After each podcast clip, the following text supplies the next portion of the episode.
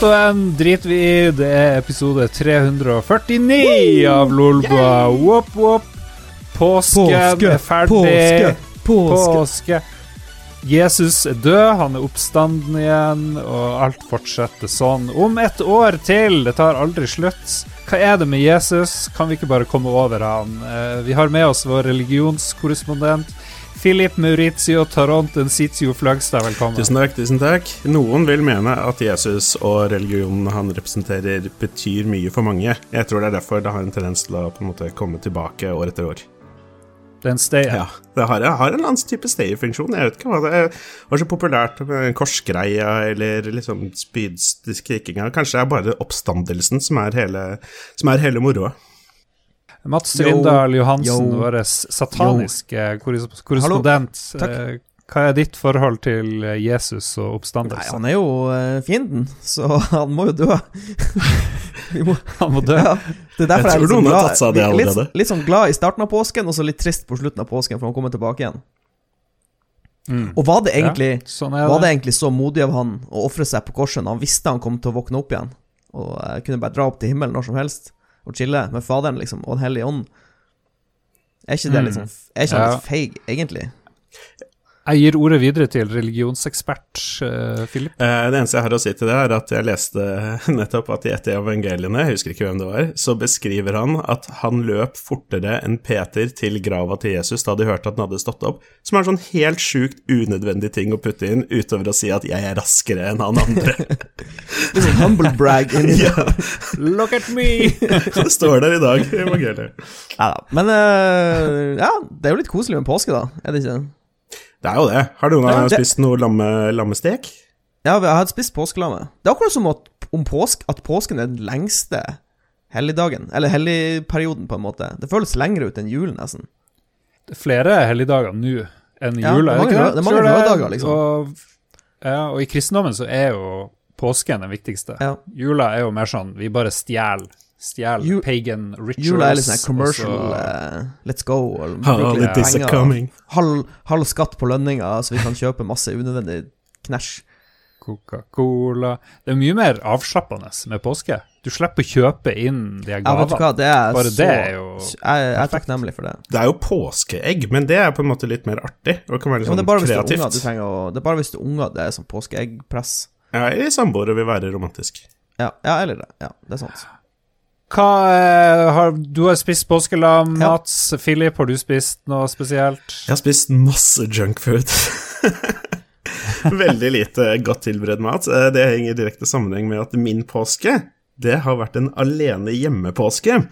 Um, Uh. Og det er antageligvis for de som hører på som bor sammen med opptil flere mennesker i en husstand, kan høres litt deilig ut. Jeg vet ikke hvordan det er for de der ute som eventuelt er enslige i den koronatid og sånn, så det føles litt sånn gærent å liksom rub it in, men jeg har hatt det så deilig. Eh, Samboeren har vært på tur med en venninne til en hytte, vært der i seks dager, og jeg har bare vært hjemme, spilt masse TV-spill, spilt masse PC, spist masse junkfood, sovet lenge, vært våken lenge. Det har vært, vært som å være student igjen. Jesus døde for at du skulle, og du og alle vi andre skulle kunne legge på oss i Det syns jeg er ganske fair, eh, fair trade, egentlig. Men, men seks dager alene, det, det er jo ganske mye. Nei, det gikk fort, det. Men jeg vet ikke, det er sånn, det er sånn Jeg vet ikke, jeg har jo tatt opp dette mange ganger sånn, i forbindelse med korona, at jeg har alltid Jeg har i mange år hatt et community på nett som jeg på en måte syns er gøy å hegge med, og så lenge jeg har de, så eh, så gjør den mangelen på på en måte ordentlig IRL, eh, sosialt eh, sammenkomster, det på en måte det, det, det, Ja, det gjør meg ikke så mye.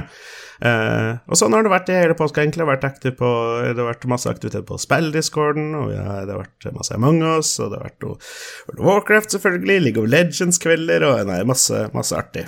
Mats, har du gjort noe spesielt i Jeg har kjørt sånn blandepåske, så jeg, var, jeg begynte påsken eh, med å dra ut til hytta ute på øya og hengt litt med fore foreldrene mine. og Spist påskelam, og så har vi faktisk, av alle ting, begynt å sette sammen et Ikea-kjøkken. Nummer to. Så jeg begynner å bli utrolig god på montering av Ikea-kjøkken nå, hvis noen trenger hjelp. Det er bare å, bare å rope ut. Ja, hvor vanskelig er det? Fordi det, det høres ut som mitt største mareritt. Er Nei, Det er, det er litt sånn Det, det er hårete i starten, når du står og liksom ser ut i rommet, og så er det bokstavelig talt 323 esker som står liksom plassert ut. Eh, og så virker det veldig uoverkommelig, men så begynner du å forstå systemet.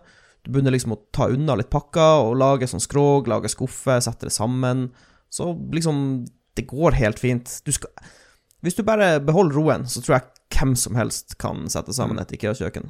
Bare les instruksjonene. Du snakker jo med en mann som ikke klarer å henge opp gardinstenger, eller har store problemer med det. Ja, det er sant. Ja, ok, kanskje ikke, kanskje ikke absolutt alle i Norge, men 45 og opp, kanskje? Jeg har vært i Kautokeino i påska, er der fremdeles. Har ikke noe sånn stress med å komme meg hjem. Eh, Jeg begynte å bare kjøpe sånn enveisbillett, og så ser jeg hvordan er koronasituasjonen, er det mulig å være ute i det hele tatt? Og akkurat nå så er det jo ikke noen som, er, det er jo ikke noe som skjer, egentlig, i Arst, så jeg tenker ja, blir det litt til? Ja. Det er jo mye mer eksotisk med Kautokeino uansett. Det er mer spennende for lytterne Ja. å høre om historier derfra og diverse page and ritual som måtte foregå. Et ritual jeg har vært med på, det er uh, båling og grillhyttetilværelsen. For det er veldig vanlig å ha grillhytte ute i hagen. Jeg vet ikke om det er sånn sørpå eller andre steder, jeg vet ikke om det er sånn i Harstad. Jeg har aldri vært borti det der. Men det er bare sånn dårlig isolert uthus med bål i midten og pipe og sitteplasser rundt, og, og veldig tilrettelagt for grilling. Ja. Det er liksom Det er folk som har det i Harstad, faktisk. Men det er ikke sånn supervanlig. Det er det ikke. Jeg tenkte først at det var en type Ja. badstue eller noe sånt, ja. men nei, ok. Det er bare for Nei. at du skal kunne Også var- grille uten å fryse i hjel, liksom, tror jeg er hovedkonseptet. Så kan jeg melde om utrolig mye hunder som går løs.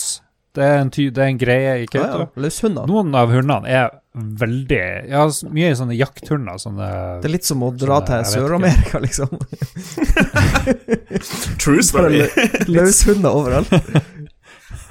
Vi har jo vår Sør-Amerika-korrespondent eh, Philip. Jeg vet, jeg vet er det, er er noen land det er vanlig. Har jeg ikke fortalt den historien når jeg ble jaga av eh, hunder som kom fra en søppeldynge i, litt ut av I Det var i Peru, tror jeg. Ja.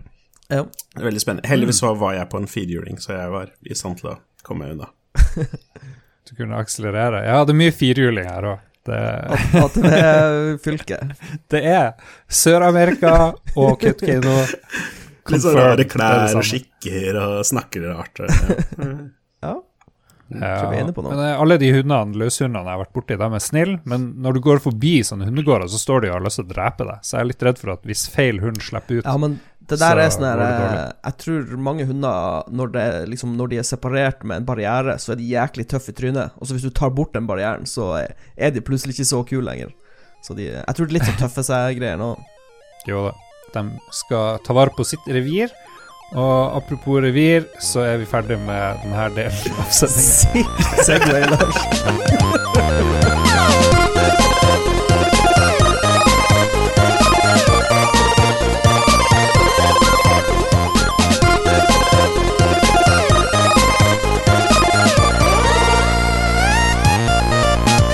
snakke om hva vi har spilt i det siste, folkens. Og der tror jeg både vi og lytterne har spilt jævlig mye, fordi lytterspalten har aldri vært så svær Den som er den vi skal ha i Ute dag. av kontroll. Den er ute av kontroll. Men først kan vi ta det vi har kost oss med. Og til og med jeg har fått spilt en del i påska. Det er jo helt Det er jo Jeg vet ikke helt om jeg tror på det, men vi får se. My reputation is very bad. Hva du, ja, hva du, har, hva du har spilt, Lars? Eh, jeg har spilt masse Unravel 1. Jeg har spilt en del Unravel 2.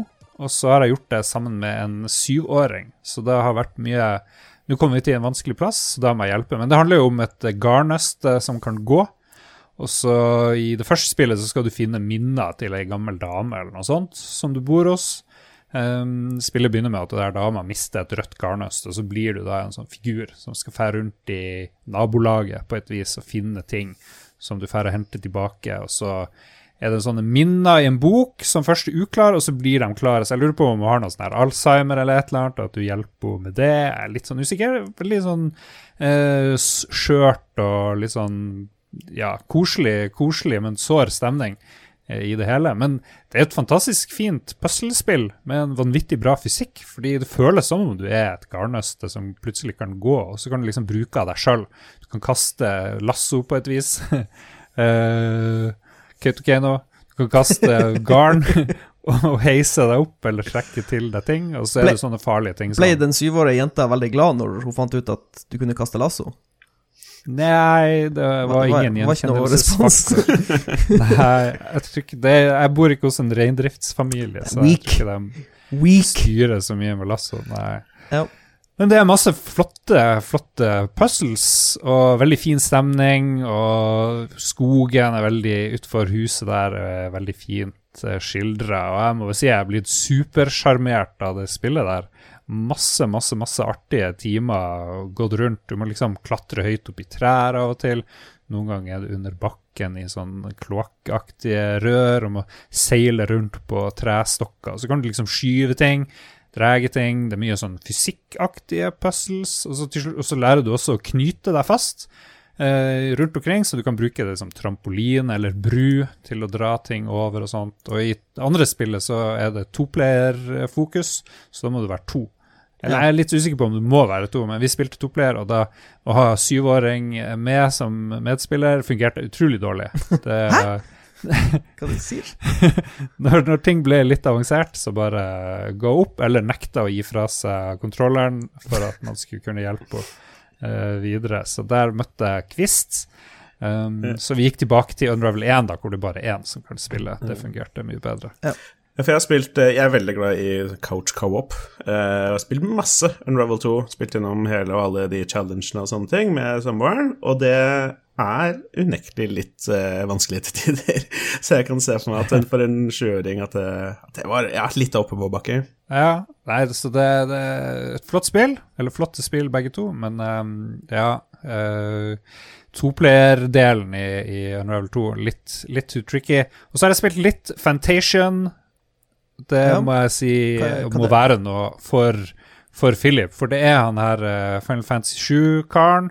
Og på både lyd og direction. Ah, ja. Nå må vi google litt Nå der. Skal vi se. Hva- Sakaguchi og Uematsu, er det ikke det jeg sa? Jo, jo, jo. jo.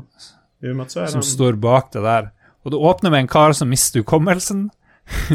og så trodde jeg det sto en sjokobo ved siden av, og så er Sid der, så det er liksom Det er utrolig mye blatant uh, Final Fantasy gjennom hele greia, det jeg har hørt, men jeg har bare spilt bitte litt. Men jeg har spilt på mobilen, hvor det kom først. Det skal komme til PC òg, men det kom på Apple Arcade først. og det er jo ikke gratis, da, du må jo abonnere på det, men, uh, men hvis du har Apple Arcade, så virker det som en, uh, et eh, veldig enkelt spill å anbefale, fordi touchkontrollene funker òg greit. Det er ikke sånn at du har sånne kjipe virtuelle kontroller.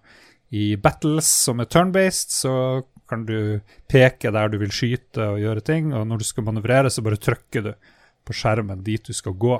Så alt er veldig lagt til rette for touch-kontroller, og det, det er sånn må det være for at jeg skal gidde å spille. Jeg klarer ikke sånne virtual controls. Men de har, de har lagd en ny verden, på en måte. Det har ingenting med Final Fancy å gjøre.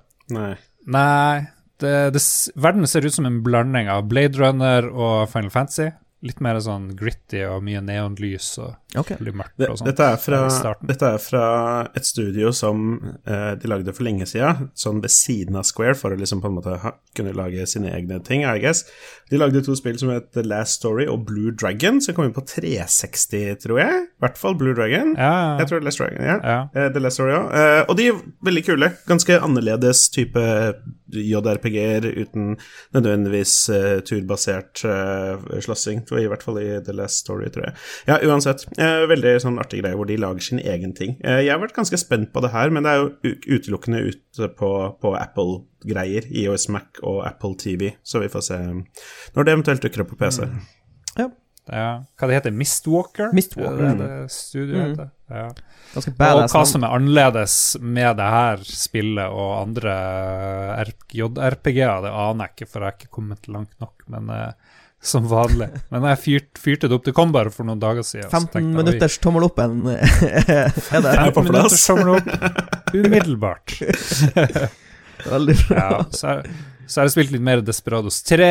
Syns det er veldig artig. Fremdeles ikke blitt vant til kontrollene.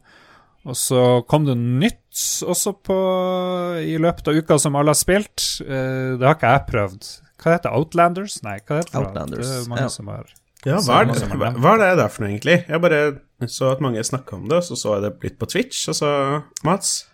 Um, jeg har òg bare sett bitte litt så Det er noe sånn her uh, ja. Singleplayer, Destiny-aktig, always online-greie. Ja, det er mange som klager på det, men så slutter de ikke å spille. Så det har jeg veldig lyst til å teste. Men jeg tror ikke det er bare singleplayer. Jeg tror du kan, fordi Ståle og Jon Cato har Mm. Ok, ja. Nei, jeg, tro- jeg trodde kanskje det bare var singleplayer only, men ja. Jeg føler det, dette er litt som et sånt spill Sånn som um, vi bare snakker om det før Among us blir stort, så bare hva er det for noe? Jeg vet ikke, det er sånn spill man løper rundt, og så to uker senere så bare Å, herregud, jeg har lagt 50 timer i det. Altså, ja. Jeg vet ikke, jeg er litt spent, spesielt et spill som mange spiller, og det er litt sånn det driver rundt, det syns jeg er gøy. Ja, det må, vi, det må vi få prøvd til eh, neste gang, eh, boys. Ja, og vi har glemt det. Jon Cato er ikke her. He-he. Han er borte. Ses. Det er 20 minutter inn i For episoden. de som lurer på det.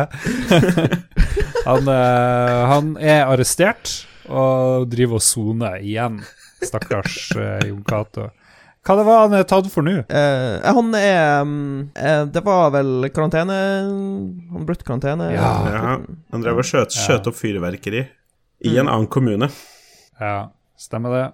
Jeg fikk faktisk litt lyst til å spille Outriders, for jeg ser det er um, Det er de som har lagd uh, Bulletstorm, som har lagd det. Mm. Ah. Så det kan jo være Det var jo morsomt spill. OK, hva annet er det vi har spilt? Jeg har spilt uh, noe eh, eh, gammel drit eh, som Oi. har blitt sluppet ut på nytt igjen på Steam. I ny drakt. Hmm. Eller ny spesialutgave, er det vel mer rett å si. Eh, det er intet mindre enn en total conversion til Elder Scrolls Skyrim, som heter Enderal Forgotten Stories. Det er da en utvidelsespakke. Wow. Så, Så det er- er det en utvidelsespakke, eller er det en mod? Altså, det er en total conversion mod til Skyrim, okay. som er et eget spill, men det siste, som heter Forgotten Stories, er en expansion pack. Og de har lagd De har lagd eh, Det kom først eh, Altså, Enderal kom først i 2016, sånn opprinnelig, eh, originalt. Og så har de lagd Det er litt kult. Det er noen tyske karer. De heter Sure Eye. De har også lagd en total conversion til Oblivion, som heter Nerim at Fates Edge. Og til uh, Morrowind, som jeg ikke husker navnet. Det er noe sånn her Myar et eller annet. Eh, og det er liksom samme Det henger sammen, på en måte. Det er en spillserie som henger sammen. Uh, de har liksom lagd et spillunivers som heter Vyn, som er et sånn her fantasy-univers som de har bare lagd fra scratch. Det er sikkert noe sånn her uh, Jeg tipper det er sånn her rollespill-session som har bare gått ut av kontrollen. Ja, Hva Philip. er en total konverteringsmod? Nei, altså, du, du tar et spill, eksempel Skyrim, og så erstatter du alt. Absolutt alt. Det er ikke Skyrim, men det bruker assets og spillmotoren til Skyrim. Så i stedet for å lage alt det fra scratch, altså eh, eh, game engine og modeller osv., så, videre, så så låner de ganske mye fra Skyrim, og så legger de til litt eget. Så det er liksom et, et nytt spill i Skyrim. Men du, når du fyrer opp spillet, så ser du jo med en gang at dette er, har Skyrim i ryggmargen. For du ser liksom UI-elementer, hvordan ting fungerer, og hvordan grafikken ser ut. Det er, det er liksom Skyrim, men ikke Skyrim. Det er et annet spill. Mm, ok. Neste Det- appellerer jo veldig fordi jeg elsker Skyrim og, og sånne ting. Men eh, er det kun til PC? Kan jeg kun- laste ned det er min dessverre kun til PC. Sweet. Men det, det er gratis, faktisk. Så- What? Ja, det er det som er litt spesielt. Fordi som sagt, de har lagd Dette er det tredje spillet de har lagd som en total conversion. De har lagd ett til Morrowind og ett til Oblivion, og nå ett til Skyrim. Eh, og til å begynne med så var det ikke engelsk voice acting og sånn. Når jeg spilte, jeg spilte Nerim til Oblivion, og da var det bare tysk voice acting, så jeg måtte spille det med sånn undertekst på for å forstå hva som foregikk. Men det er ganske kult. De, de har peiling. Og de holder faktisk på å lage sitt første kommersielle spill nå, som sannsynligvis blir i, i samme spillverden, i det Vyn-universet. Eh, og så vet han, han hovedfyren, eller en av de karene i Sure Eye, har skrevet ei bok som også tar plass i det der spilluniverset. Men det er ganske kult. Mye, mye originale ideer altså de har pressa inn der. Så det er, det er for folk som har spilt Skyrim masse og vil ha på en måte mer, men, men, men noe annet. både og. Altså, hvis du Ja. likte Skyrim, så blir du sikkert å like Enderal. Men du må ikke du, Det er ikke noe krav at du må ha spilt Skyrim, for det har ingenting med Skyrim å gjøre, på en Mm. måte. Eh, men Hva hvis, er forskjellen på Unnskyld. Nei, altså det, Selve liksom Combat og sånt ligner selvfølgelig i Skyrim, for de har, de, har, de har jo Skyrim i bakgrunnen, så det ligner jo veldig hvordan du slåss og beveger deg og alt det der. Det, det ligner veldig. Men alt andre er ganske ulikt. Hvordan, du, hvordan karakteren din går opp i levels. I Enderal så er det sånn klassisk XP-system. Du får XP når du gjør ting, og så går du opp i levels, og så får du poeng du kan sette ut. Mens i Skyrim så er det jo helt annerledes. Der får du jo skills ved å gjøre ting. Så eh, det, det, det er Mm. forskjeller, rett og slett. Men ja, det er jo liksom eh, Det er jo ikke superpolisher, sånn som Skyrim er. Eh, de har jo de har voice actors. Jeg spiller med engelske voice actors. Og det er liksom Noen voice actors er veldig bra, og noen er sånn her Herregud, kan jeg skru av han fyren her, og bare heller bare lese teksten i stedet for å høre på den der eh, den der, Du høres ut som han er helt død innvendig og bare leser fra et sånt ark og har en pistol til hodet eller et eller annet, men ja, litt blanda drops der. Jeg Så det er liksom får jo lyst til å spille der, men jeg lurer jo veldig på hva er forskjellen på det tredje riket da, og det andre og det første? Nå er jeg ikke med. det tredje Var ikke det det tredje spillet? Det tredje spillet, ja. Nei, altså, det, det er jo bare uh, som uh, Det er en oppfølger til det andre spillet, så det har skjedd Det har skjedd ting i det andre spillet som, som Er påvirker det mye, er det mye leirer hvor de samler folk? Eh, det, det, som, det som er litt morsomt, er at en av tingene i det spilluniverset er at eh, magi er veldig regulert, regulert, fordi magi er dritskummelt, ikke sant? Du har folk som kan sprenge en by med å sende en meteor ned, liksom, så all magi er liksom superregulert. Så det har litt sånn her eh, regime-greier på gang. Men jeg syns det var morsomt. Jeg syns det gir mening. Jeg, jeg vil ikke at folk skal Folk som kan trylle, kan gå rundt willy-nilly og uh, gjøre som de vil. De må, de må, passe, må passe på, de guttene her. De er farlige. Så det er, ja, kult. Økonomien og Hvis du, hvis du er glad i eh. Hvis du er glad i litt sånn eh, semi-janky fantasy-RPG, så er det rett opp gata di. Det er ikke turbosmooth, og så er det ganske vanskelig. Combaten er ganske brutal. Du, du tåler lite. Du dør fort. Litt sånn quicksaving og quickloading til tider. Men jeg liker det Jeg liker det veldig godt. Jeg har ikke kommet så langt. Jeg har sikkert bare spilt eh, Jeg har spilt sånn åtte timer. Spilt de første intro-questene og liksom blitt eh, Ja, kommet litt inn i det. Men eh, ja. Mhm. Jeg spilte jo Nonerium, det likte jeg veldig godt, så dette er jo mer av det samme, mer eller mindre. Så jeg er veldig spent på det Det første ordentlige spillet deres, så de faktisk kommer til å selge, hvordan det blir. perfekt påskekos for deg, Mats. Og så er på jeg Steam, jo at du. Philip Ja, det er gratis på Steam. Oh, og du, Philip, du har jo fått PlayStation 5 Ja, og greier, så der har du vel eh, kost deg. Ja, det henger i direkte sammenheng med min fantastiske gamingpåske. Eh, Jeg har spilt eh, masse Bowsers Fury, men det gidder vi ikke snakke om. Jeg har spilt masse greier på PC som vi ikke gidder å snakke om, fordi det har jo vært et masse stress å få tak i denne PlayStation 5-maskinen, og vært kjempevanskelig og sånne ting. Og så har jeg, som mange andre, forsøkt å bruke Distill og følge med på diskusjon.no og sånne ting. Det har vært helt håpløst. Helt håpløst. Ingenting skjer. Og så, uka før påske, så dukker det plutselig opp noen maskiner for salg på CD-ON eh, som jeg er tidlig nok ute til å få bestilt, men jeg får ikke noe bestillingsbekreftelse. eller greier, virker litt shady. Eh, eh, og dagen etter så melder jeg meg opp på en sånn Elkjøp Du kan være så heldig å få lov til å kjøpe en PlayStation 5-konkurranse. Og så viser det seg at begge de går jo gjennom. Så dagen etter der så sitter jeg med bestilling med på to PlayStation 5-er. Eh, så den ene kommer jo her da i løpet av påska, den andre er på vei, og den er det Dag Thomas eh, som skal, eh, som skal få. Um, Oh. så det blir Må han betale 15 000 kroner? Ja, minst. Det er det, er det vi har snakka om. Må være såpass. Ja, bare økonomiske, på en måte, uh, midler. Uh, og så blir det nok noe annet også.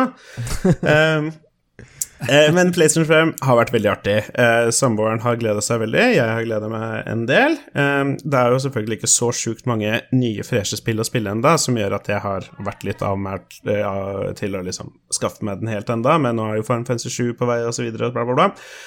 Men jeg har fått testa, testa litt. Um, Astros Playroom og Bugsnacks har samboeren spilt en del. Og hun syns begge spillene er helt fantastisk koselige. Kjempesøte og ålreite. Eh, Astros Playroom er en kjempeartig måte å vise fram kontrollen på. Den nye DualSensen, kjempeartig, men alt dette har folk snakka om i et halvt år. Uh, Ja, men har du prøvd det sjøl, der eh, Astros Ja, ja, ja. Playroom? Ja, jeg spilte. Jeg syns det blir for lett. Jeg synes Det er liksom Det er ikke noe utfordring. Nei, men det er ikke et vanskelig spill. Det er ikke det. Uh, Det er litt sånn Det eneste er å liksom samle alle tingene, men det er ikke vanskelig det heller. Du må bare liksom følge med hvor du går, og liksom hva du eventuelt passerer. Men jeg er jo mange år i PlayStation-gutt, og det at de hele tiden gjennom alle brettene har sånne små scener de gjenskaper fra tidligere PlayStation-hits, det syns jeg er dritkult. Eh, Noen ganger skjønner jeg ikke helt hvilket spill det er, som jeg tenker meg litt om, og så bare Å ja, det er det, å, kjempeartig.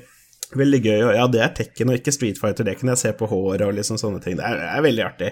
Så det er masse herlig PlayStation-nostalgi der. Jeg tror ikke jeg kommer til å ha 100 til det akkurat, for det er jo, som Lars sier, det er ikke, som spill er det ikke så interessant, men spesielt for samboeren, så er hun syns det er kjempegøy. Hun sier 'hvordan kan dette her være gratis', det er jo så artig. Um, noe som ikke var gratis, var dette Bugsnacks. Eh, det likte hun nok mest fordi det virka sjarmerende og sånne ting. Det er for så vidt det, men det er, det er et ganske døvt spill. Den, jeg har tatt den for laget der, og så har jeg kjøpt det og spilt det, og det kan jeg si at det er ikke nødvendig å bruke så mye penger på. Um, jeg tror til og med Ja, hva det går ut på? Det er sånn Du kan få masse rare kroppsdeler, er det Ja, du går rundt på en øy med en eller annen merkelig backstory, og så skal du Ja, hvis du spiser et jordbær, så får du jordbærben. Sånn Frankenstein. Ja, litt sånn. Og så sier de litt sånn søte ting. Er sånn 'strawberry' er liksom den strawberry-tingen, og det er litt søtt og koselig og sånne ting, men skal du spise den, så det er litt merkelig greie. Jeg vet ikke. Men som, som, som spill så er det egentlig ganske døvt. Det er som en skikkelig dårlig utgave av Pokémon og Monster Hunter, på en måte, hvor du skal fange disse tingene og ja, levere dem. Så det er ikke noe Det er ikke sånn kjempemasse. Eh, Det som derimot er kjempemasse, er Demon Soul, men det veit vi jo alle. Oh. Kjempevanskelig. Men eh, det som er verdt å nevne, er at når vi satt på det for første gang, og så introen, så sa samboeren at det er som om vi har fått en ny TV, fordi det ser så jævlig bra ut. Eh, Ja, det er sannsynligvis det peneste av PS5-spillene. Ja, det er lekkert. Sjukt. Det, ja, det, det ser, ser kjempebra ut. Fortsatt kjempevanskelig, men jeg tenker å gjøre en gjennomspilling, eh, forhåpentligvis, og komme gjennom denne gangen eh, med Mage, og ja, vi får se. Det blir nok litt ålreit. Eh, Tessa litt God of War, som Lars har snakka om. Enig med Lars, det ser fint ut, men det er fortsatt God of War hvis jeg har spilt det før, så jeg kommer ikke til å spille igjen, for å si det sånn. Uh, og så er det selvfølgelig litt kjedelig at jeg ikke kan få både 4K og 60 FS, men eh, sånn er det nå en gang. Uh, ellers så er eh, Så får du, som PlayStation 5-eier, så får du tilgang til en PlayStation 4 Plus Collection eller noe sånt nå, som er en haug med eh, kule spill til PlayStation 4 som du bare får gratis. Så da har jeg lasta ned Persona 5 og Final Fantasy 15. eh, og ja, egentlig en haug av de andre spillene som vi får se om jeg, om jeg gidder å spille etter hvert. Blir det 24 timers Final Fantasy 15-stream? Nja, jeg vet ikke. Det er, 15 timers. det er en grunn til at jeg ikke har spilt det før nå, så jeg vet ikke om jeg er helt engasjert til det. Uh, det jeg kan nevne, er at jeg har bestilt uh, PlayStation-kamera. Det kommer nok i morgen, uh, onsdag, og da eh, vil jeg Da er jeg ganske gira på å streame litt fra det, spesielt med tanke på at vi, jeg og samboeren, i dag har spilt The It Takes Two. Som jeg ikke vet om det har blitt snakka om så mye i Lolbua, men det har blitt dekket i mange andre typer medier. Eh, og Ja, vi har nevnt det litt. Jeg Ja, og Mats som har spilt det i 15 minutter. Ja, riktig, men dere spilte ikke mer. så mye, nei. 20, 27 minutter. Ja, ikke sant? ja, for Ja, det, virka, virka utrolig. Vi tok den der støvsugerbåsen. mm, ja, vi tok den og en til eh, i dag. Eh, kjempesuksess her hjemme. Kjempesuksess. Jeg, Kjempeartig. jeg, likte det, jeg likte det veldig godt. Det var veldig smooth. Mm. Ja, det, det er kjempe, kjempe, kjempefint ut på PlayStation 5 også. Uh, veldig smooth. Uh, det er, uh, som noen av lytterne våre kommer tilbake til, ikke kjempevanskelig for garva gamere. Nei. Men ja, for meg og min samboer så er det, dette veldig ålreit. Veldig fin sånn balanse mellom vanskelig og, og utfordrende. Så det er, det er en stor bonus enn så lenge. Håper å få fortsette å få streama det litt, fordi jeg, jeg syns det er veldig gøy å se på hendene. Fordi når vi var kids, og vi fikk en ny konsoll eller en ny maskin oppgraderer PC kraftig, så hadde vi en sånn type glede over å se disse nye spillene og nye teknologien som jeg ikke har hatt på 20 år, sikkert, fordi Jeg er blitt gammel og blasert, men den ser jeg hos henne nå, og det er så jævlig hjertelig. Og bare wow, det er så gøy! Ja. Vi får se.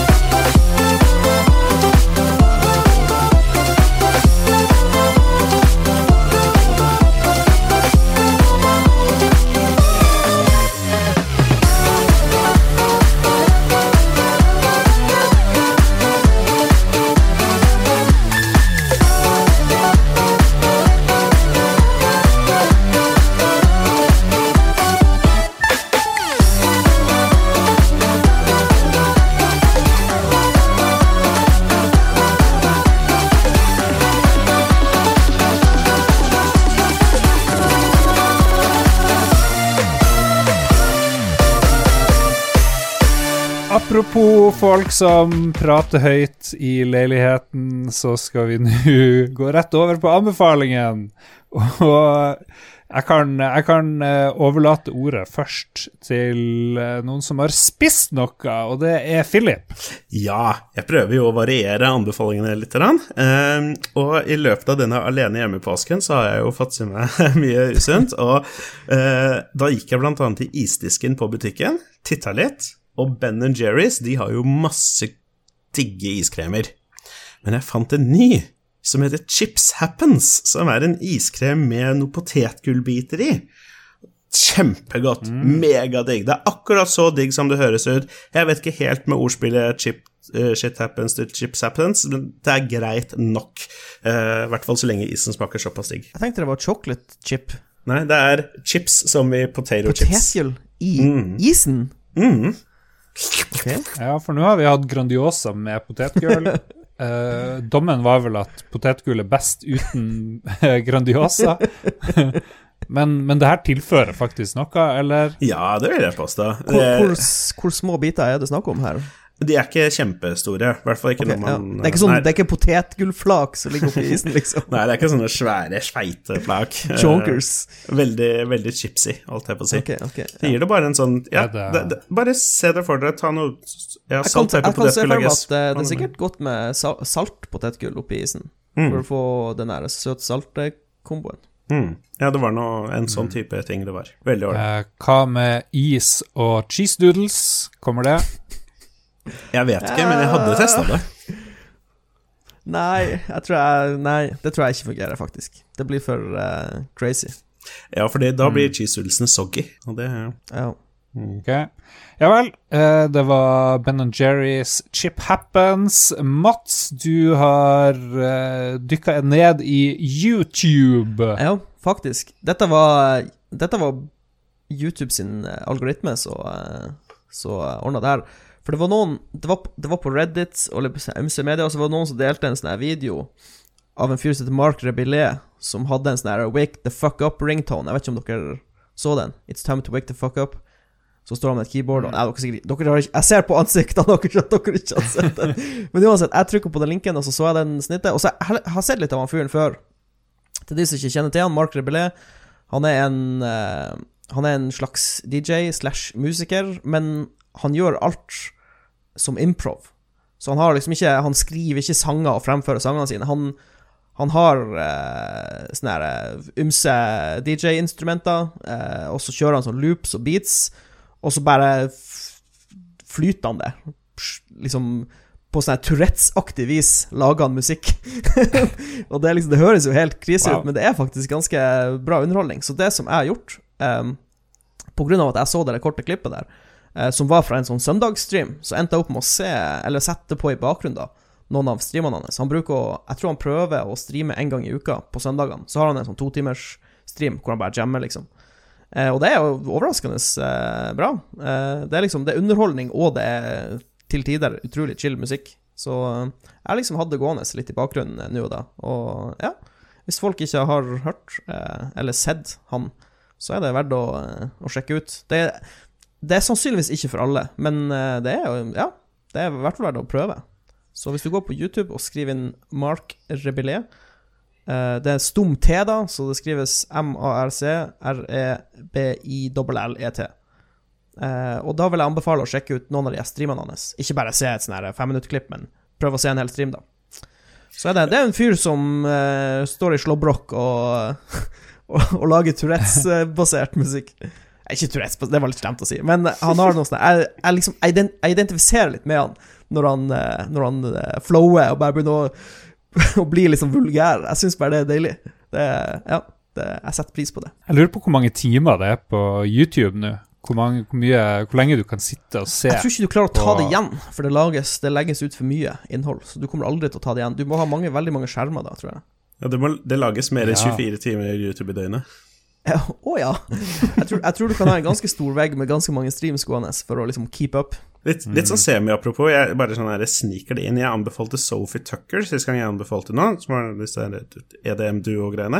Det jeg glemte å nevne, er at de også kjører streams på Twitch, og det er også litt av, litt av en opplevelse. Veldig alternative folk, så det kan jo også være noe å få med seg når Mark Rebellé ikke, ikke er live.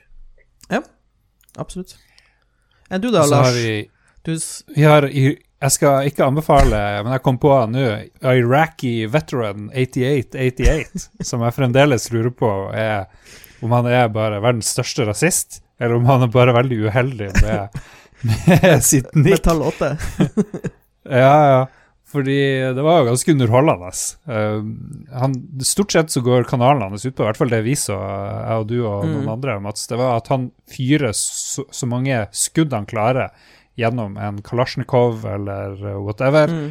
så lenge han klarer, til de bare ødelegges. Ja. Så, Det, det er en ting. det er litt underholdning. Det er overraskende underholdende, faktisk. Så det er, Ja. det er mye bra på YouTube.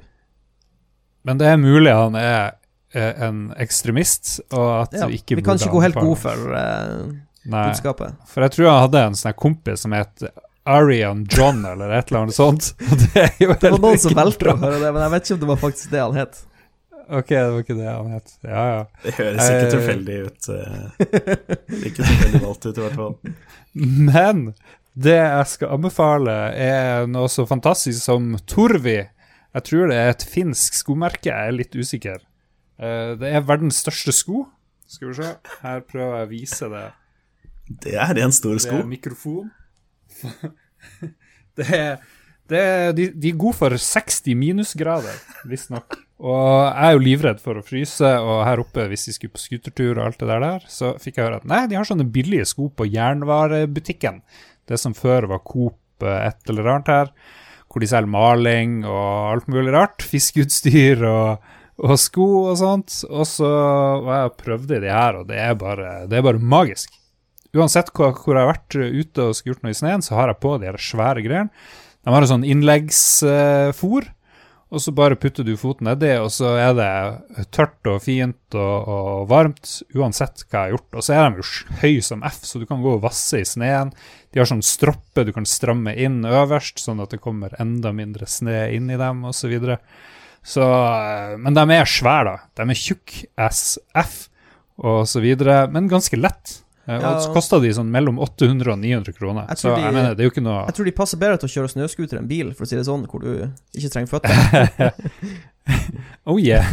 ja, det tror jeg. Men liksom, hvorfor kjøpe dyre, vanlige vintersko når du kan labbe rundt i sentrum med Torvi fra Finland eller wherever it is? Fra Arktis.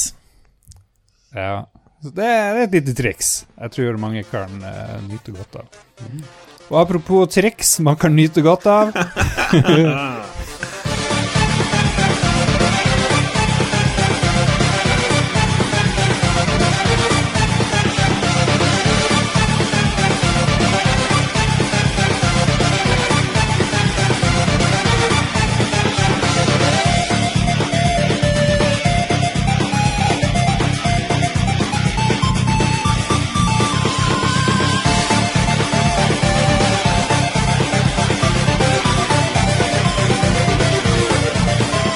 knuser på med en rekordstor lytterspalte, folkens. Og vi har snakka både med folk på Discord og på Facebook. På Facebook så var det siste sjekka 55 kommentarer. Så var det en del på Discord. Glem ikke dere, selvfølgelig. Blant annet Turd Ferguson. Veldig artig navn. Eh, som, og vi spurte hva er det folk har spilt i påska, om de kan anbefale det. Eh, noen har svart på det ene, noen har svart på det andre, noen har kommet med litt random innlegg, akkurat som vi liker. Men Turd Ferguson har brukt mye tid på å tukle med Dolphin-emulatoren på PC, og det er jo Kodeordet Dolphin var vel GameCube, tror jeg, i sin tid. Men du kan emulere både GameCube og Wii.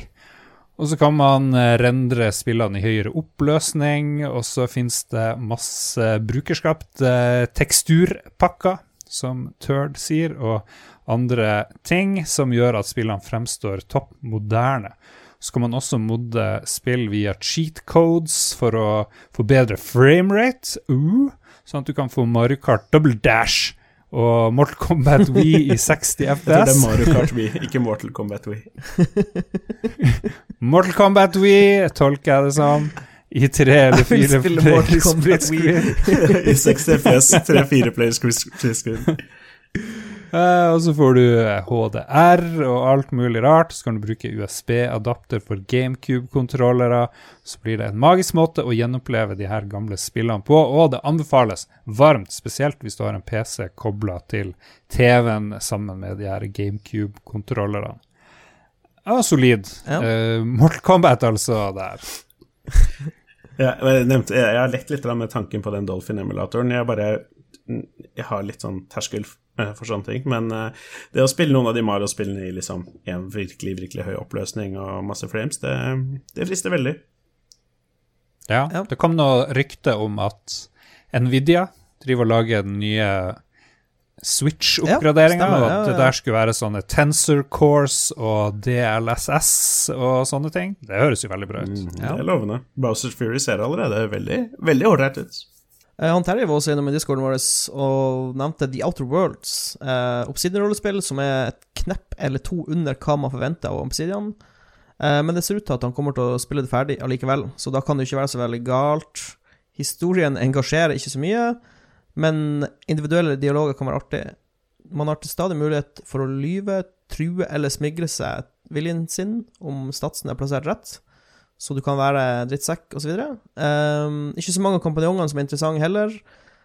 Den ene, hvis sidequesten, er å være Kirsten Giftekniv, så hun får seg en spesiell date, Uh, er spesielt litt spennende. Han har kanskje ikke spilt langt nok ennå, sier han, så han får se. Jeg er litt i samme båt. Jeg har også begynt på The Outer Worlds, Uh, og har kommet til samme konklusjon. Det er liksom Det er helt OK, men det er liksom tre av terningkast tre, da. Uh, så jeg, jeg tenkte også sånn Ja, det her kommer jeg til sikkert til å spille gjennom, men så døde, døde det bare sakte ut. Men jeg så det har kommet noe eh, Det har kommet noe DLC og litt sånn, så kanskje man må eh, sette seg litt inn i det og oppdatere seg. Ja, jeg vet Magnus Tellefsen hev seg på Outer Ja, Worlds det er, i det er faktisk litt morsomt. Eh, sånn Jeg likte liksom den visuelle stilen, og det var, det var ting som var bra. Jeg vet ikke, det virker litt for midt på tre for Ja.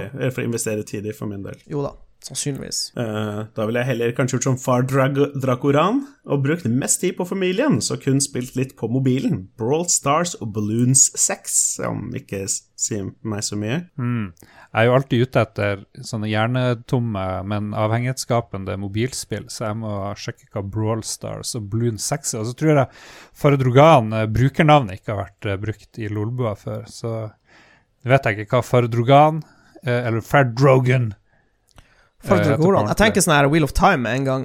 Var det ikke en som het Mandragoran, eller noe sånt der? Hmm. Et eller annet. ja. Det, var, det er noe Wheel of Time-vibber her på gang her. Kanskje det er broren til han ene i Wheel of Time? Burde ikke vært? Kvinn Dragoran, da, for å gjøre det Ja, eller uh, Ung Dragoran, hvis han er lillebroren. That's funny. Sanderstein har spilt uh, Tomb Raider reboot-serien. 100% av eh, 2013 Tomb Raider har han spilt, og så har han begynt på Rise. Er det 2013 den første Ja, rebooten den er gammel. Jesus. Den er skikkelig gammel, faktisk. Lordy lord. den var veldig bra, da. Jeg kan ta eh, Kevin Aleksandersen igjen. Han har begynt å spille Days Gone, som jeg jo prøvde litt på PlayStation 5. Tja, kanskje jeg må prøve det igjen. Han prøvde det sist i 2019, og så datt han av, og så lasta han det ned via PlayStation Plus Collection på PlayStation 5, sånn som Philip har gjort, og så fortsatte han der han slapp, fordi du får ganske sweet framerate. Ja, vet du eh, hva? Days Gone kommer til PC nå, så jeg skal faktisk spille Days Gone.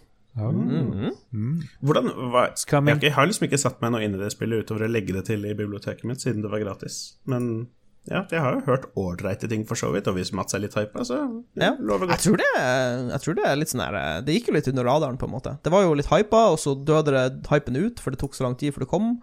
Og så, men jeg, jeg tror faktisk det Jeg syns det ser litt morsomt ut. Det er jo Ståle sitt favorittspill i 2019. ja. Og hvis han Ståle liker det, da vet vi at vi eh, har noe godt i vente. Helge. Det er bedre enn Sea Eh, Thieves. Han Stian Skjerven hadde en veldig merkelig påske i år. Han knekte handa si, han fikk korona, uff da, og han tilbrakt hele påsken på isolat med PlayStation 5. Eh, han har spilt mye God of War, Diablo 3, Warzone, og så skal han teste ut det nye Abe, Abe, Abe World, eller Abes World, jeg er litt usikker. Eh, han kan i hvert fall anbefale God of War eh, 3 og Diablo 3. Eh, nei, Gears of War 3 blir det jo selvfølgelig, og Diablo 3. Eh, Men FPS-spill som Warzone fungerer ikke like bra på konsoll for en eh, PC-spiller. Og det kan jeg være litt enig i. Ja. Men hvis du, hvis du har spilt eh, skytespill bare på konsoll, så er det jo null stress. Mm. Eh, og så spurte jeg om det gikk bra med han stakkars Stian Skjerven, og så sier han da at han skal hjem i morgen, og han er helt fin nå, men tenk å være kan han si, Eh, hele påska i isolat? Ja. Jesus Christ. Og så sier han han var sengeliggende tre-fire dager med smerter i ledd og muskler og klarte knapt gå på toalettet, så han har fått kjørt seg hadde, en del. jeg hadde en runde med sånn hardcore influensa for noen år tilbake, og da, det var sånn. Da var, du, da var jeg helt sengeliggende i, i sånn tre dager og sånn, og var helt mos. Og det er noe av det verste jeg har vært med på. Ja, hva, hva Måtte du tilkalle hjelp? Man kan jo ikke tilkalle hjelp heller, Nei. for da smitter du jo folk. Nei, altså, jeg var jo bare Altså, nå var det jo influensa, det var ikke covid, men eh, det gikk jo Det går jo greit, liksom. Må bare prøve å få seg litt sånn næring og sånn, men tre dager du er jo, Ja, så lenge du drikker vann, så overlever du jo, liksom. Så dere, forresten at, så dere forresten at i år er det bare sånn 13 stykker som har hatt kraftig influensa? Ja, ja jeg tror dette kommer til å bli et eh, Altså, influensasesongen eh, er bankers. Mm. Det er ikke mange som blir å få influensa, siden folk er så flinke å isolere seg. Tar, tar de gode nyhetene vi kan. Eh, apropos de, de gode nyheter. Dag Thomas, Ragequit-medlem, han vil naturligvis ikke anbefale noe, men må si at Noit har beriket hans påske betraktelig. Noit Hypelog Update kom akkurat med masse nye greier. 319 entries i patchen, som sikkert er kjempemye. Det er kanskje det beste spillet i historien. Han klart, klarte altså å daue på level 28 Diablo 3 Hardcore, med så enorm skuffelse at han måtte fylle på med pukk under forhuden og lukka spillet for alltid. Eller, eller så har han sett på Force and Speedrun og Minecraft i x antall timer uten å vite helt hvorfor. En av dagene jeg ikke så, så, han, uh, så nådde han målet sitt. Fuck my life. Ja, det er Minecraft speedrunning-greiene også. Det er overraskende stort for tida. Det skjønner jeg meg ikke så mye på. Ja, det er vel fra de starter et ferskt game til de dreper den dragen. Det er vel det det går på. Å prøve å gjøre det på så kort tid som mulig. Ja, Men jeg bare- skjønner ikke hvordan det For de gjør det på sånn her 20 og noe minutter eller noe sånt. Det forstår jeg ikke helt hvordan det går. Ja, jeg leste litt Det var masse Jeg er jo veldig glad i drama, og det var masse Twitch-drama rundt dette her for en liten stund siden. For det er en, en streamer som heter Drama på Twitch? Ja, ikke sant? Hva er det du sier? Det skjer det en sjelden gang iblant. En streamer som heter Dream, som hadde plutselig ut av ingenting klart å liksom slå noen verdensrekorder x antall ganger på en uke eller noe sånt. Og, og så ja, var det noe snakk om juks og sånn, og da satte jeg meg litt inn i det, hvordan de går igjennom. Og det, eh, det er bare litt Det er en del RNG inni der som jeg liksom syns er litt sånn semi- semikjedelig, for når noen items dropper som du må ha til å kjøpe noe greier og bla, bla, bla. Men ja. Sikkert artig. Guri Lotte Reibodal har spilt Arkham Horror hele påska, og det kan anbefales. Eh, Det er en blanding mellom rollespill og kortspill. Jeg har spilt det så vidt. Ja. Um, spil- har du spilt det mer enn meg, Mats? Jeg har spilt det ganske mye. Eh, jeg har noen Ja. kompiser som har alle expansionene og spiller det ganske religiøst. Eh, men det, er lenge siden jeg spilte nå, da. Men det, det er jo veldig fryktelig morsomt. Det er liksom Det jeg liker veldig godt med Arkham Horror og andre lignende brettspill, er at du spiller på lag. Du spiller jo Investigators som skal redde Mm. Arkham, eller omegnen, da. Så jeg er stor fan hvor du skal må samarbeide og spille på lag i stedet for å drive og knive så mye. Dette står liksom på lista mi over brettspill som jeg har hatt veldig lyst til å teste, fordi jeg har hørt mye om det, men aldri har liksom funnet en riktig gruppe for eller giddet å kjøpe sjøl. Men går det an å spille to stykker, eller blir det for lite? Ja. Du kan spille to, det går fint. Ja, jeg ser det står 1 til 8, men, Ja, liksom, men går, det, det funker. to. To er Ja, ja. faktisk ganske ålreit å spille Arkham Horror. Mm, mm, mm, ok. Men var det sånn at eh, når vi spilte med Simen og Marius, så vet de bestandig hva man skal gjøre, og så er de de Ja. andre bare må dilte etter? Og... Det blir litt sånn Hvis du Ja. spiller med noen veteraner, så kan det fort bli at de forteller deg hva det smarteste er å gjøre, og det kan jo ta litt bort ifra den der eh, opplevelsen med et nytt spill, på en måte. Så det, det ser jeg absolutt. Er det fordi det er de samme scenarioene som de har spilt før, eller? Ja, du har forskjellige scenarioer. Det er jo hvordan elder god som ligger og truer på horisonten, som avgjør hvordan spillets gang går. Så um, Men det spørs jo. Det, spør, altså, det er mange faktorer. Det, det er ikke nødvendigvis negativt å spille det med noen som har spilt det mye før. Det vil jeg ikke si. Hva forteller Bjørn Bjelland, eh, Mats? Uh, han sier at uh, dersom dagen i dag teller, så må han få lov til å nevne Oddworld Soulstorm. Han har fått testa det i en time, og han syns det er gøy så langt. Det er gratis for de som har PlayStation 5 og PlayStation Plus. Og så vil han i tillegg nevne Ori and The Will of the Wisps, som han endelig har fått spilt. Ja, det her Oddworld Soul, Soulstorm, det er jo der Apes Det er sånn. Odyssey-greia, Det er akkurat kommet, liksom. eh, Ja, men det, er liksom ikke en remake, det er liksom en sequel-remake. Det er liksom Det bare fortsetter der hvor det første spillet slutta, eller noe sånt nå. ah. Eh, Men det er liksom Jeg hadde, jeg hadde det hadde jeg har helt glemt. Det må jeg sette på nedlasting så fort jeg er ferdig her, alt jeg på å si. Jeg likte de gamle PlayStation 1-spillene veldig godt. Ja. Jeg har- også spilt eh, Husker jeg spilte noen av de Oddworld-spillene på PlayStation 2, eller noe sånt? En, Way- kanskje, kanskje til og med én. Ja, ja, Ja, det er way back, liksom. Ikke. Det var den kjellerstua deres, Lars. Yeah, boy. Wait. Det var veldig bra. Jeg gleder meg til det. Han eh, Trond Sinfor Borgersen eh, nevner kjapt eh, at PubG, altså Player Unknowns Battlegrounds, anbefales alltid. Eh, og det er jo Ja, det er faktisk Det er et spill jeg må plukke opp igjen, for det er det lenge siden jeg har spilt. Det er jo eh, klassiske Battle Royale-spillet som har holdt på ganske lenge nå. Jeg har sett det har kommet litt oppdateringer nå i det siste. Det har ikke mista sin posisjon etter at Jo, eh, det har mistet. Tarkov kom. Det har, mist, det har sakte, men sikkert mista spillere, dessverre. Eh, For det var jo det var så utrolig populært en periode. Så som Men du klar, det er så vanskelig å holde på spillerne. Så de, de var kanskje litt passive, de utviklerne. Så jeg tror det gjorde at mange dro til andre ting. Warzone og Fortnite og så videre. Jeg, jeg følger ikke noe særlig med på noen av de, men Fortnite føler jeg at liksom relanserer seg selv litt på en måte, forskjellige måter en gang iblant. Liksom at de i hvert fall oppdaterer med de eh, freshe ting. ålreit flinke på det. Ja. Mm. Og War, Warzone vet jeg stjal utrolig mange spillere fra PubG, for det ligner såpass mye.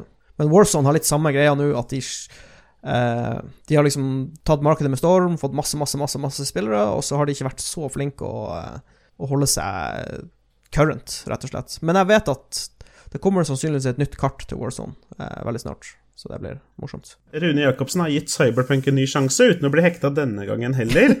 Um, jeg har vært veldig spent uh, nå som den nye patchen har kommet. Uh, fått inntrykk av at det ikke akkurat fikser spillet så til de grader. Uh, så ja. For å være helt ærlig så tror jeg at uh, Jeg tror jeg kommer til å vente til uh, det kommer noe Jeg, jeg er ganske sikker på at det kommer noe DLC. Det gjør det.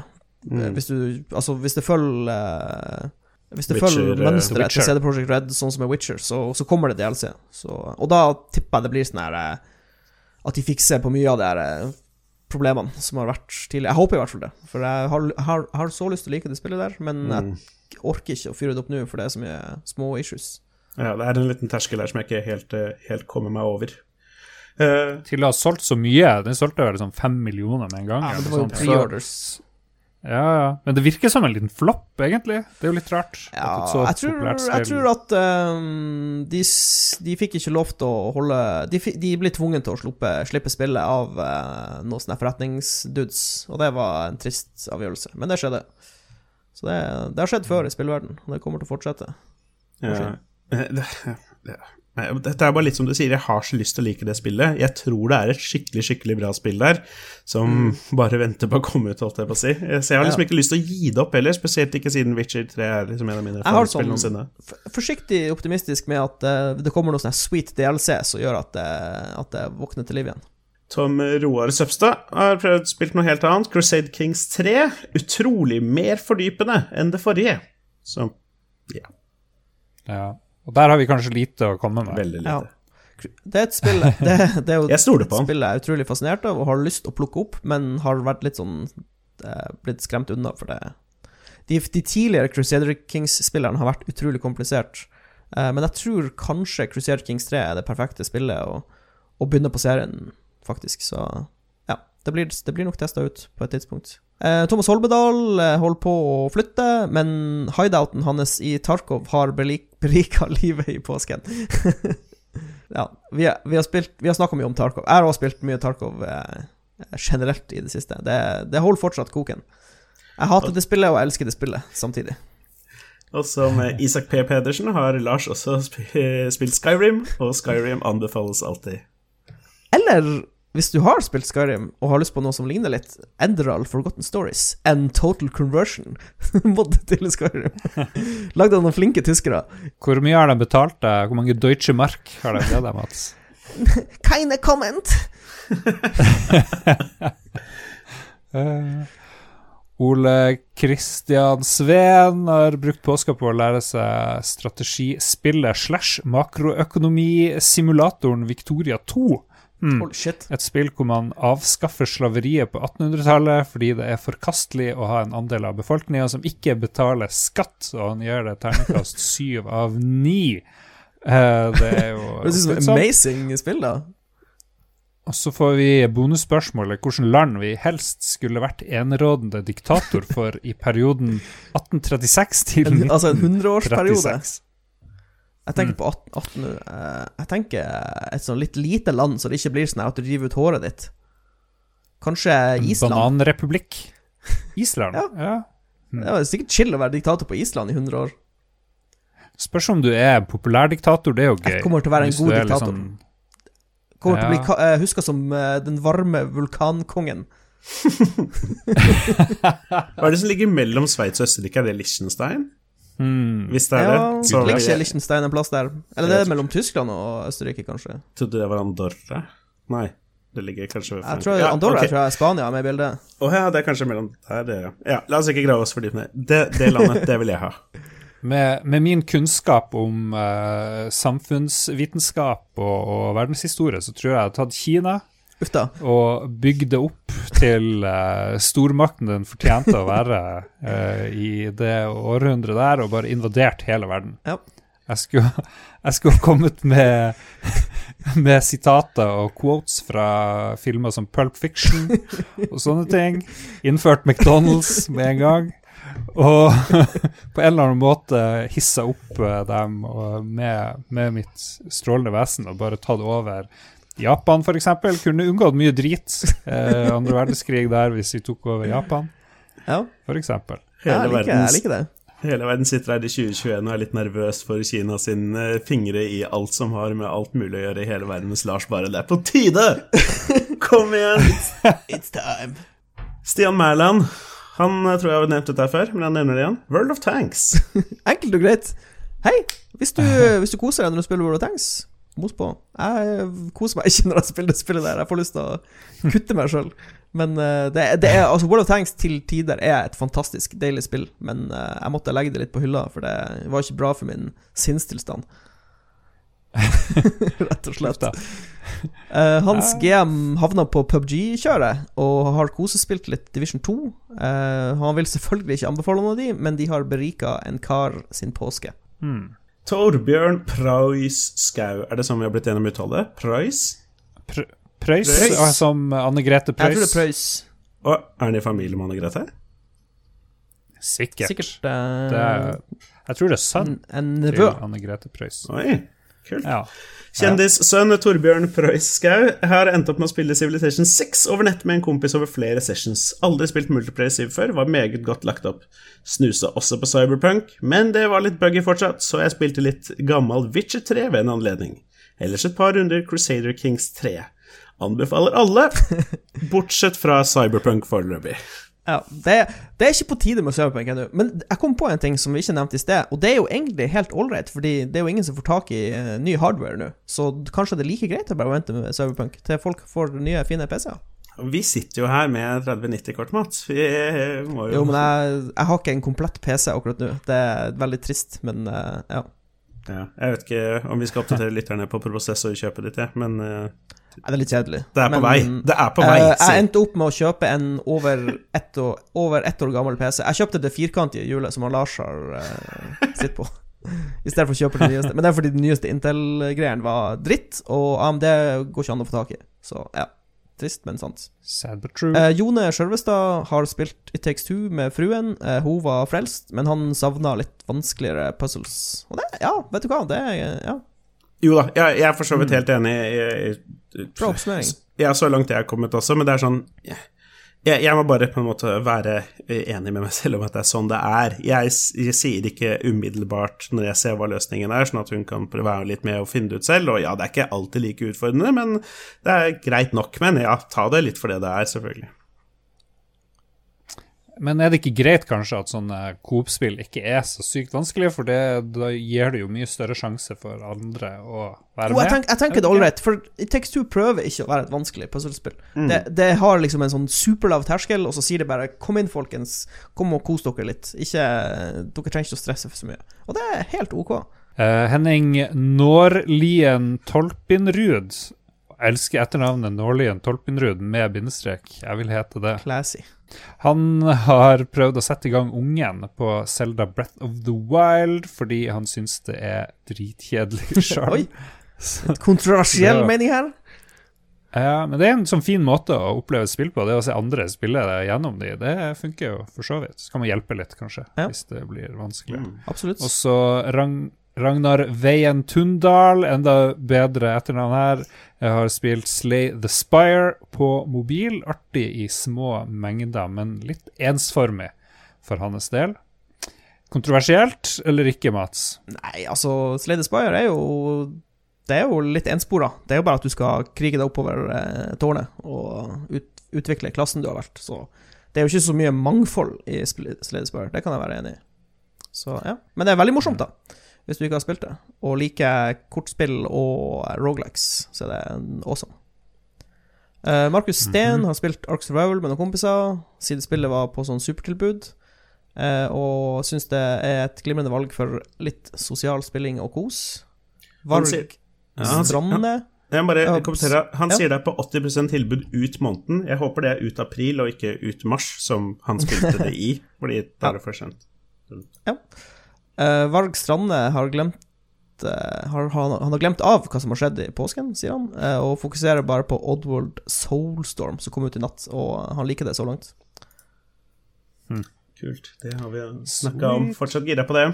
Ja. Joakim Strandberg har spilt Forza Horizon 4. Det er fortsatt et veldig grindy spill, men fint for oss som liker det.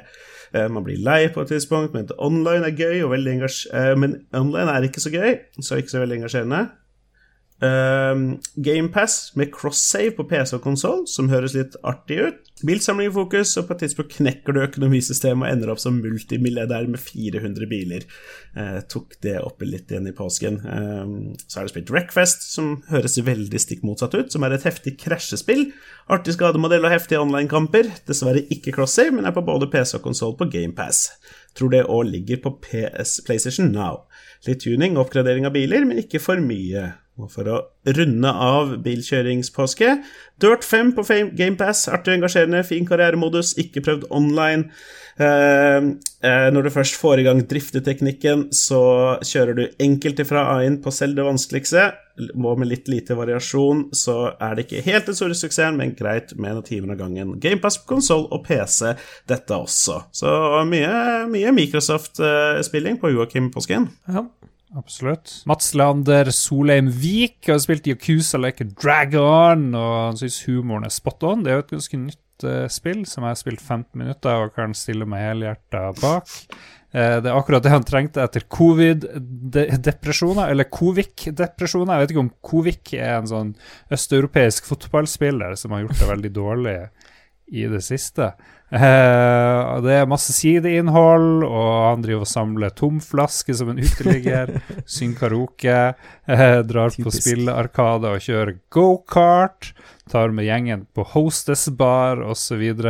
Han vil selvfølgelig ikke anbefale det, siden mange misliker JRPG, men det beriker hans eh, påske. Og selv om det er en restart av serien, så fikk han lyst til å sette seg inn i de andre spillene. Jeg kan advare Mats Leander, det er jo ganske annerledes, de andre Ja. spillene, så vidt jeg har sett. Jeg tror det er ganske annerledes, ja. Mye sånn Så hvis du liker Ja. Like Dragons, tror jeg ikke det er noen garanti på at du liker de andre. Eh, De andre tar seg litt, selv litt Nei. mer høytidelig. Ja. Ja. Mm, Eh, Jeg vet ikke om de tar seg så, så, så høy, høytidelig, nei, men uh, det er jo mye sånn her eh, Mye sånn stillbilder og lesing av ting, og jeg vet ikke Det er ikke like uh, så, uh, Ja, jeg vet, jeg vet ikke. Ja. Ja, det, det Bare glem det. Vi bare Glem de advarer deg med en gang, Mats. Det er bare Like Dragons Dragon som teller. Eh, Dette skal vi diskutere diskutere i 20 minutter neste episode, så bare send inn, eh, send inn lyttebidrag. Eh, Adrian Haugen, vår venn fra spill, eh, har runda God of War. Eh, han syns det var godt å spille noe som er litt linært, og ikke bare gigantisk open world-spill. Eh, og så har han starta på Kronotrigger, som ble anskaffet på mobil. Eh, en klassiker som skal rundes for første gang. Nydelig. Mhm. Jeg anbefaler, anbefaler Fantation, Adrian. Drit i eh, kronotrigger på mobil. Det vil kun skuffe Og skuffe for ny og shiny. Ja. Eh, Truls Andreas Berglund har spilt Trivial Pursuit 1995 edition på hytta. Han er født i 97, så han tapte så det suste. Anbefales om du vet eh, for eksempel hvem som var programleder for Casanova på TV2. Jeg tipper Halvard Flatland. Det er faktisk, Jeg tror det. er Det Det er faktisk litt morsomt å spille sånne gamle quiz-spill. Ja. Du får sånn her Hvem vant spydkasting i 82? Ja, ja, ja. Det er jo helt yolo. Så har vi Tar du han Carl Thomas? veldig gjerne Lolbua-venn Carl Thomas Aarum. Etter en gnistrende juleavslutning i den norske Street Fighter 2-dojoen, så har det vært ro noen rolige måneder. I påsken har vi imidlertid børstet støv av gamle combos igjen, og det er like moro som alltid. Målet er å banke opp Håkon Puntervold sin innmari vriene Blanka, men han har fortsatt et stykke igjen. Så ble det jo, ble det jo litt calling, calling each other out i, i kommentarfeltet etter det. Så virker som det er mye action i Street Fighter 2-miljøet. Uh, Ståle, vår gode venn Ståle fra Ragequit uh, og Lolbua Corp uh, har blitt han, Først så har han eh, eh, Sier han anbefalinger med altfor mange spørsmålstegn, som en syk person. Eh, men så sier han at han har blitt sjukt berika av Outriders. Han spilte ti minutter med Yonkato, og så Ragequit han Cato.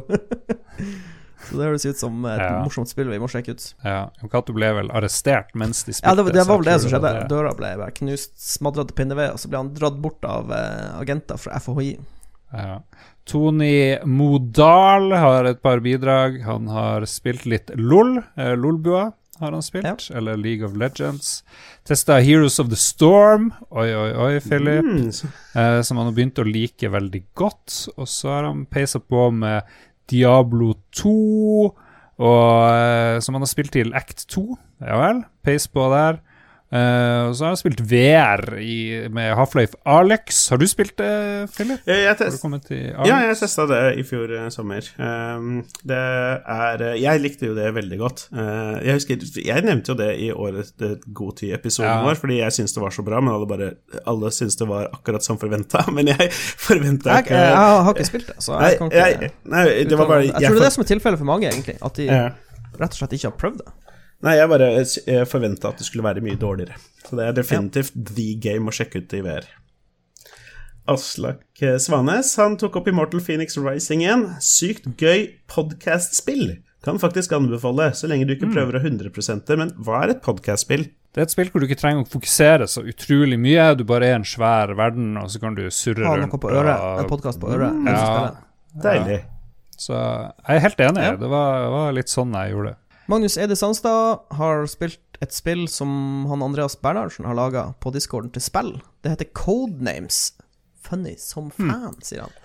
Det har jeg ikke Hmm. Ja vel. med meg. Er det ikke det samme codenames som jeg har spilt Det er- tidligere? det er- Det er jo sånn Jo, brettspill. det- Codenames. Det er basert på brettspillet Codenames, men okay. han har han spiller eh, på Discord.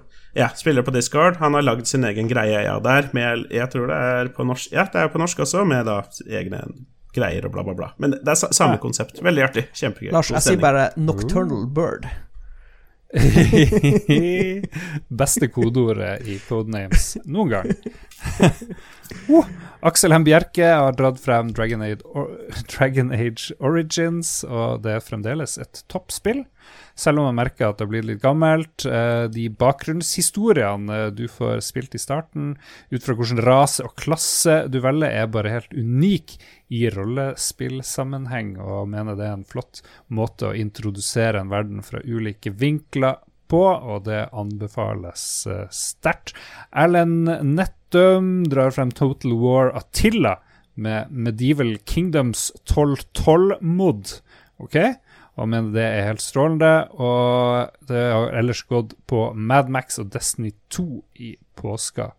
Og uh, ja Medieval Kingdoms, uh, sånne ting. Jeg vet ikke. Det, det, er liksom ikke min verden. Jeg, jeg, liker, jeg liker, lasere, fremtid, uh, stort sett. Kan til nød gå til sånn cowboy.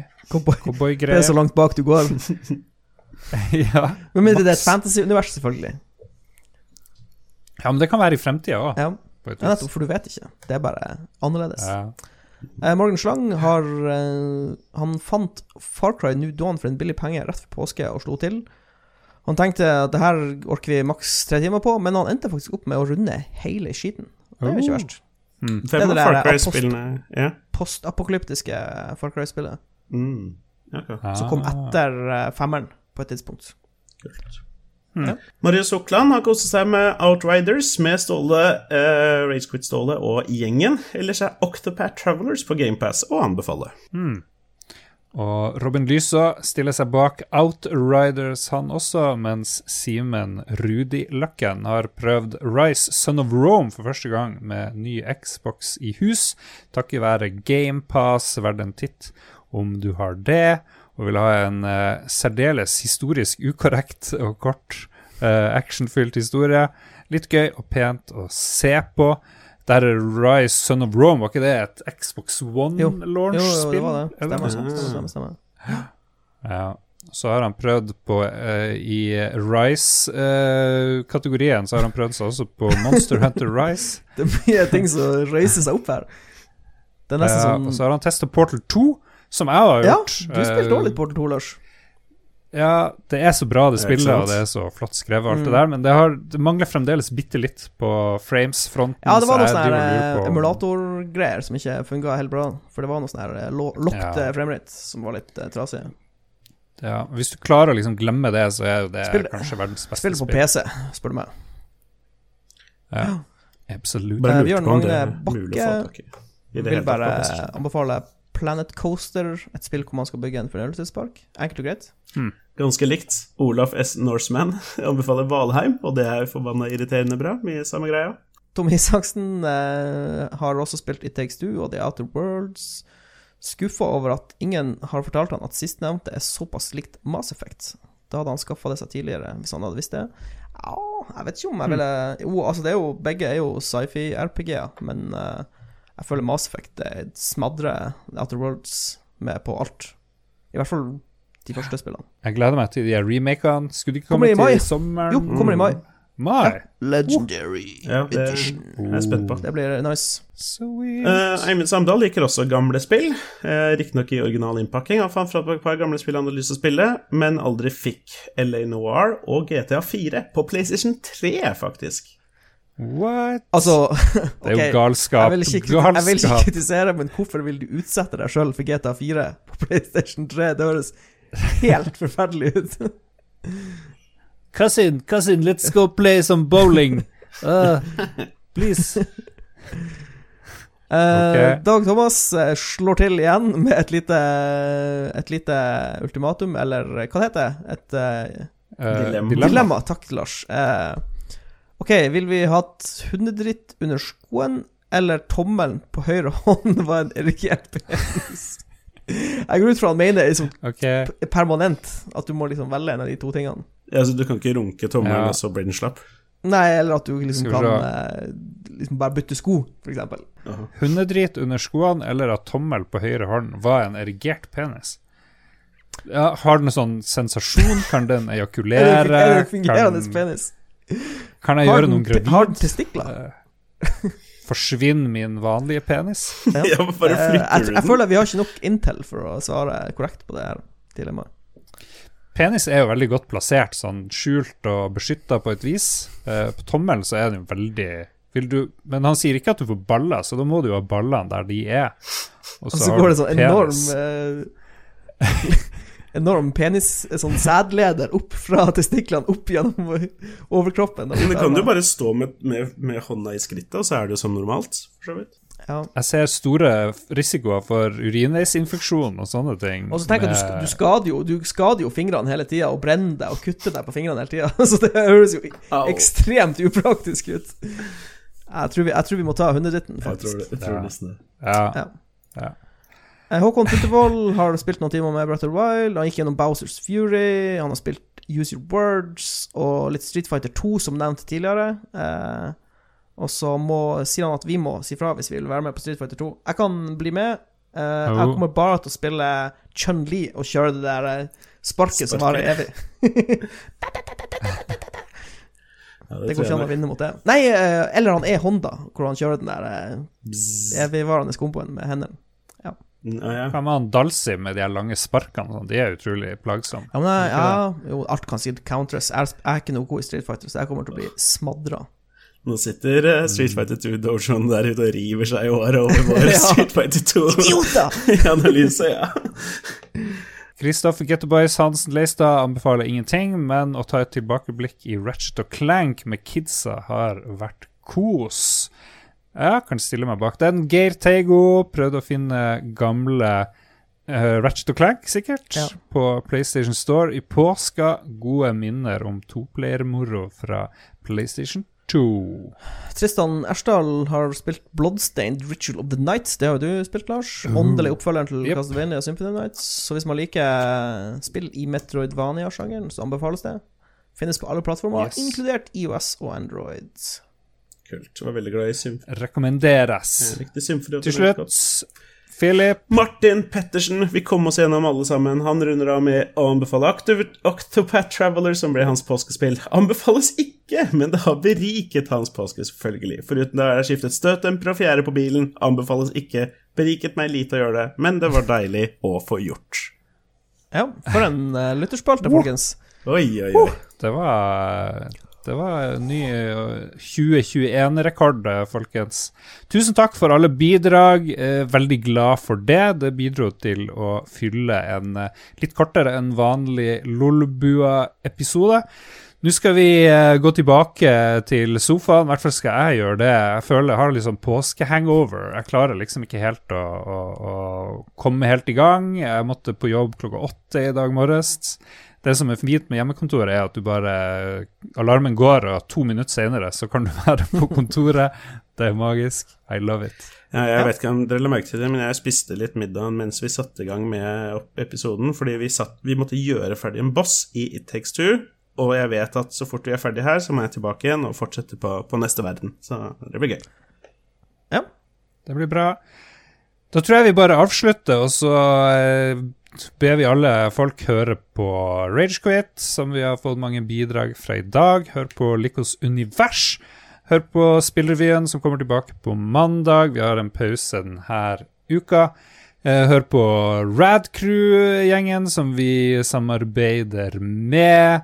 Eh, les Pressfire, som vi også samarbeider med. Gå på patrion.com slash lolbua og spre uh, dine du kan, du kan, bruke fem kroner der, eller noe sånt. Fem dollar. Uh, tror jeg trenger ikke bidra med så mye. Vi setter pris på absolutt alt. Sånn at Philip for eksempel, og Dag Thomas nå får seg PlayStation 5 og kan uh, styre på med det. Og Mats kan Uh, jeg vet ikke. Kjøpe dårlige prosessorer. Ja. Kjøpe meg lys. Det er noe sånt. Uh, jeg vil gjerne takke våre Splitterun-produsenter, TTMXMP, Kobelklar84, Duke Jarlsberg, Annebeth, Jarl Pedersen, Stian Skreven og Thomas Holmedal. Og alle øvrige patrions. Oh, yeah. uh, takk til alle som støtter oss på Patrion. Dere er fine mennesker. Veldig fine. Absolutely. De holder lysene i gang. Vi snakkes om en uke. Ha det bra. Ha det. Ha det.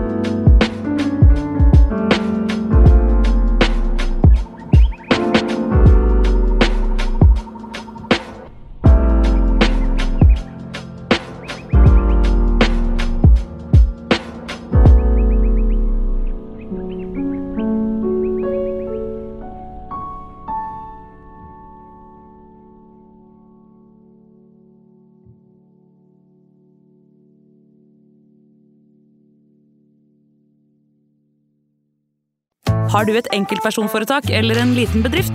Da er du sikkert lei av å høre meg snakke om hvor enkelt det er med kvitteringer og bilag i fiken, så vi eh, gir oss her, vi. Fordi vi liker enkelt. Fiken superenkelt regnskap.